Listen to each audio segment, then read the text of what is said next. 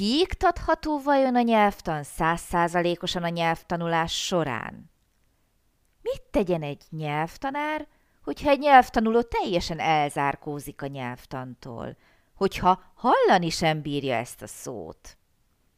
Igazi kihívás, vagy lehetetlen küldetés? Meg tudom-e vajon szerettetni mindenkivel a német nyelvtant?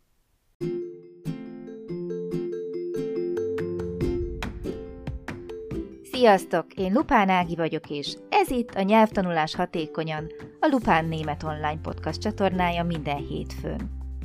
Hogyha kiköltöztél német nyelvterületre, ha hatékonyan, könnyedén, sikeresen szeretnél nyelvet tanulni, hogyha használható, gyakorlatias tippeket szeretnél, akkor hallgass minket hétről hétre hétfő esténként.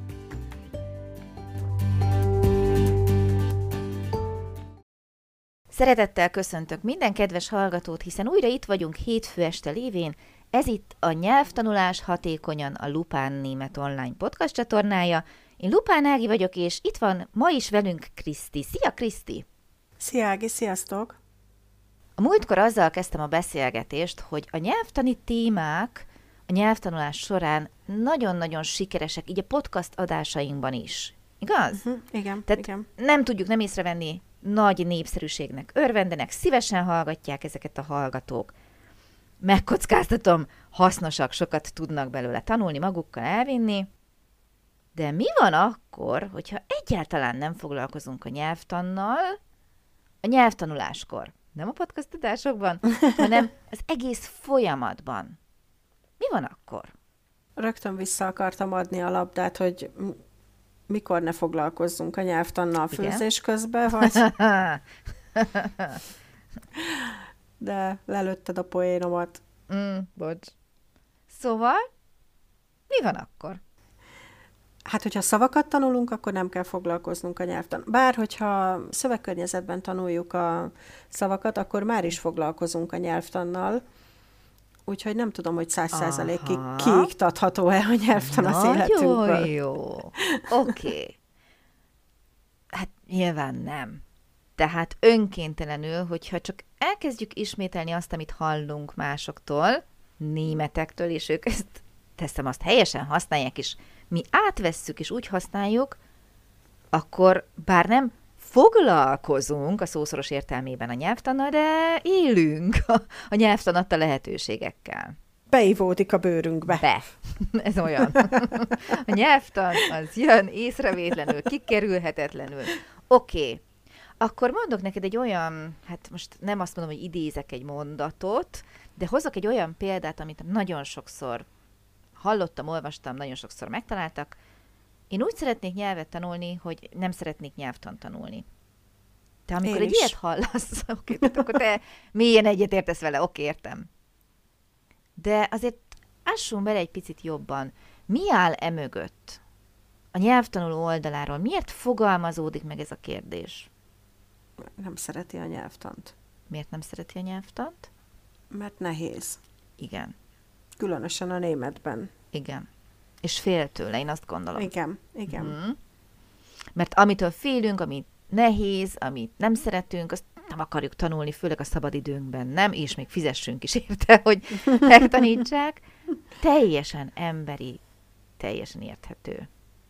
Mit tegyen egy nyelvtanár akkor, ha egy ilyen kérést kap? Meg kell szerettetnie a nyelvtant a nyelvtanulóval. Én azt gondolom, hogy ez tényleg ott van a zászlómon elől, hogy megszerettettem a német nyelvet, akivel csak tudom, de azt, hogy megszerettettem a német nyelvtant, azért ekkora fába még én is nehezen tudom a fejszémet beleverni, tehát a nyelvtant megszerettetni? Miért? Te is szereted. No de hát azért mindenkivel megszerettetni.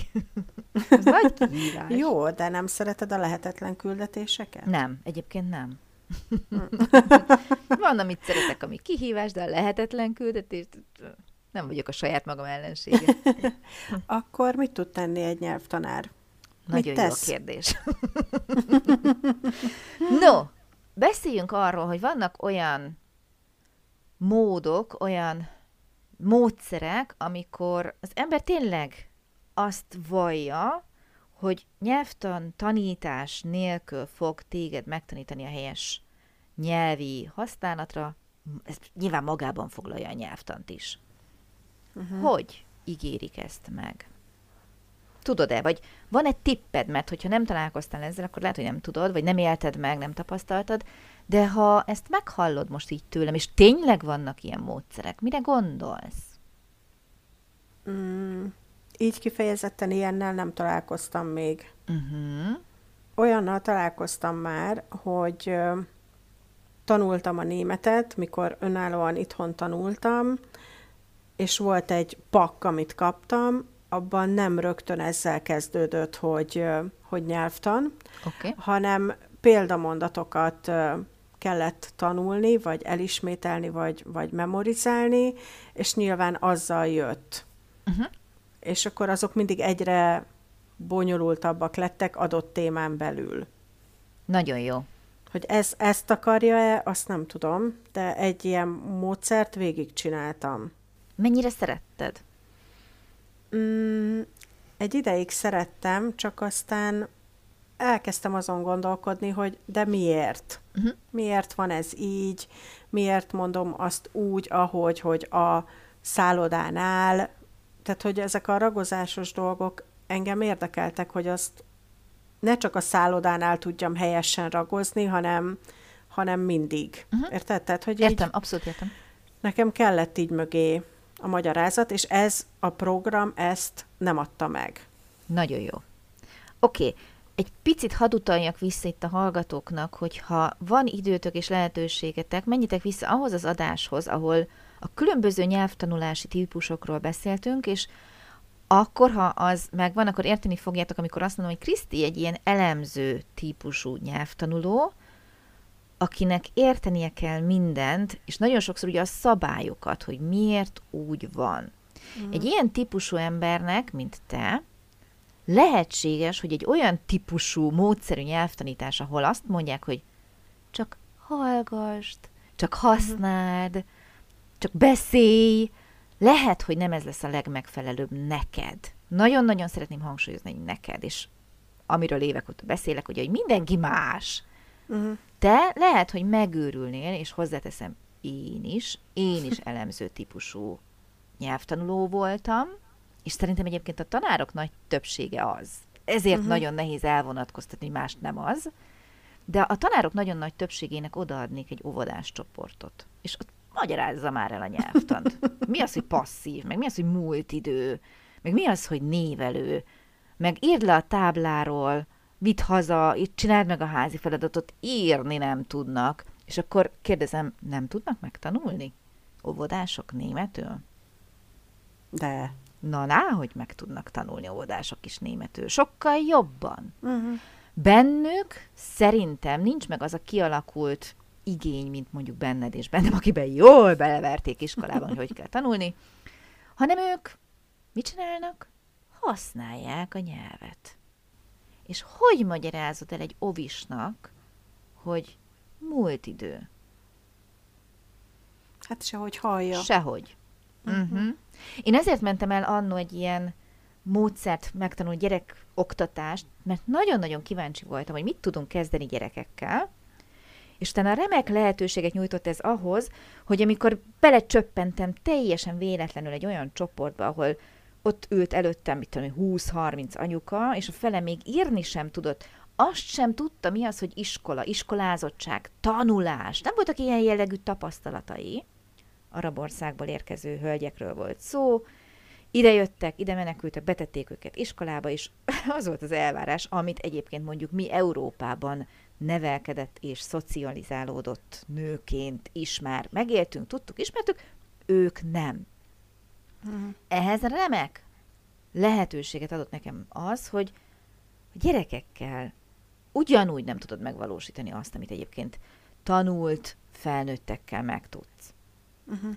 És a nyelvtan szerepe olyankor, amikor hiába mondod el valakinek, hogy ige, főnév, névmás, múlt idő, nem tudja, nem ismeri a fogalmakat.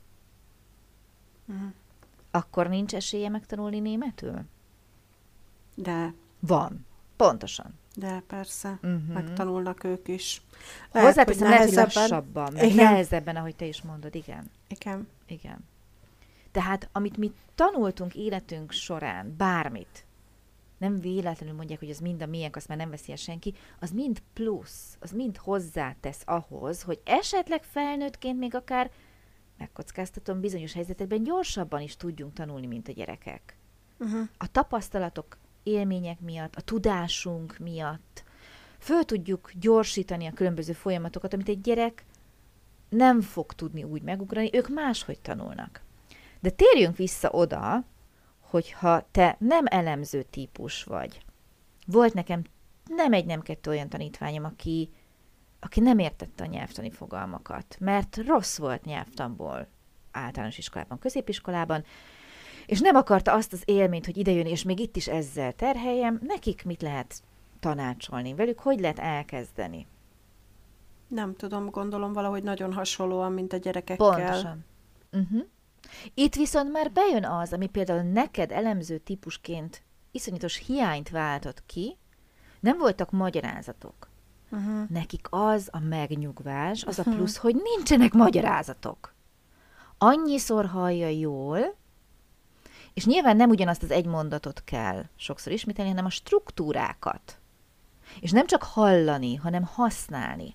És erre egyébként vannak szuper lehetőségek, feladatok oktatási stílus, forma, módszertan, ahol te mondjuk odamész, és megtanulsz egy nyelvtani szerkezetet, legyen az a passzív, ugye, a szenvedő szerkezet, úgy, hogy neked nem kezdik el azt magyarázni, hogy egyébként itt a verdenigét kell ragoznod, utána jön a particip perfekt alakja az igének, mert én ott ezeket az embereket már elveszítettem. Uh-huh.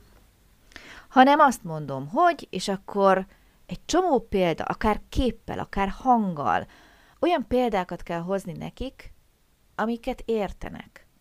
Tehát valószínű, hogy járt már fodrásznál, és mondjuk a haját ugye levágatta, és ott volt az eredménye, nem azt mondja feltétlenül, hogy a fodrász levágta a hajamat, hanem levágattam, le lett vágva. Ugye nagyon nehéz ezt így magyarul érzékeltetni, mert mi a passzívot annyira nem használjuk, de ki van nyitva az ajtó, ezt így érti.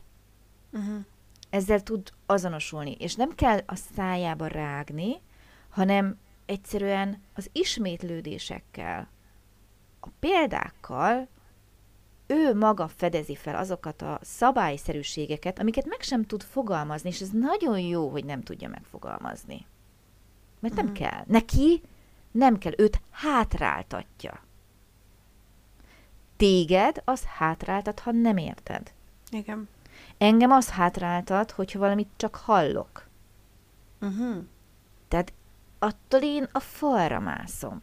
Ha látok egy szót leírva egy-két alkalommal, oké, okay, hallhatom 120-szor azt a szót, tök mindegy. Uh-huh. Ezekkel tisztában kell lenni. De nem lehet azt mondani, hogy egyik vagy másik hatékonyabb. Nem. Mindenki, mindenkinek a saját típusához kell megtalálni azt, hogy melyik hatékony Pontosan. neki. Tehát neked, ha én elkezdeném magyarázni, hogy hidd el, nem kell elmagyaráznom neked, hogy miért úgy van, szerintem lecserélnél, nem? Mert te érteni akarod. Uh-huh. És volt nagyon sok olyan tanítványom, aki úgy jött hozzánk, hogy csak a nyelvtant erőltették, nem tudtak beszélni, miért jöttek el? Uh-huh. Nem voltak elégedettek, nem voltak meg az eredmények. Persze. Uh-huh. Fontos egyébként a nyelvtan? Fontos-e a nyelvtan?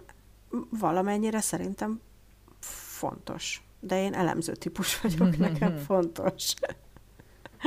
Egyébként szerintem, aki helytelenül beszél, az sem mondhatja azt, hogy nem fontos, azt mondja, hogy őt nem érdekli annyira, hogy megtanulja. Igen. Igen. Azt akartam kérdezni, hogy uh, tud-e valaki változni? Tehát, hogy mondjuk én ilyen elemző típus vagyok, de most mondjuk elkezdek tanulni angolul, és nem szeretnék ilyen lenni, tudok annyit változni, hogy ne legyek ilyen?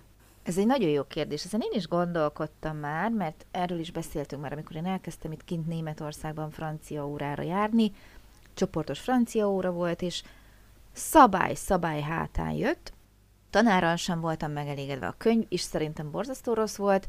Szabály, szabály, szabály és semmit nem tanultam, nem is tudom hány évig jártam oda. Oké, okay, hogy egy héten egyszer volt óránk, tehát ezt azért nem nevezném nagy léptekkel való fejlődésnek, és ennek az oka, hogy nem nyújtottak más lehetőséget. Én többször akartam menni, azt mondták, hogy nincs, sehol a környéken nem volt, hogy heti többször legyen francia óra, és hogyha heti kétszer lett volna, az már intenzív kurzus, no comment. Tehát nem tudtam gyakrabban menni, ezáltal semmit nem fejlődtem, és akkor voltak olyan összetett kifejezések, aminél azt mondta a tanár, hogy hát ezt most így nem tudom elmagyarázni, mert még túl sok minden van hozzá, ahhoz már annyi mindent kéne tudnotok, és így kezdőként nem tudjátok, ezt így fogadjátok el és tanuljátok meg. Na, az bennem van a mai napig.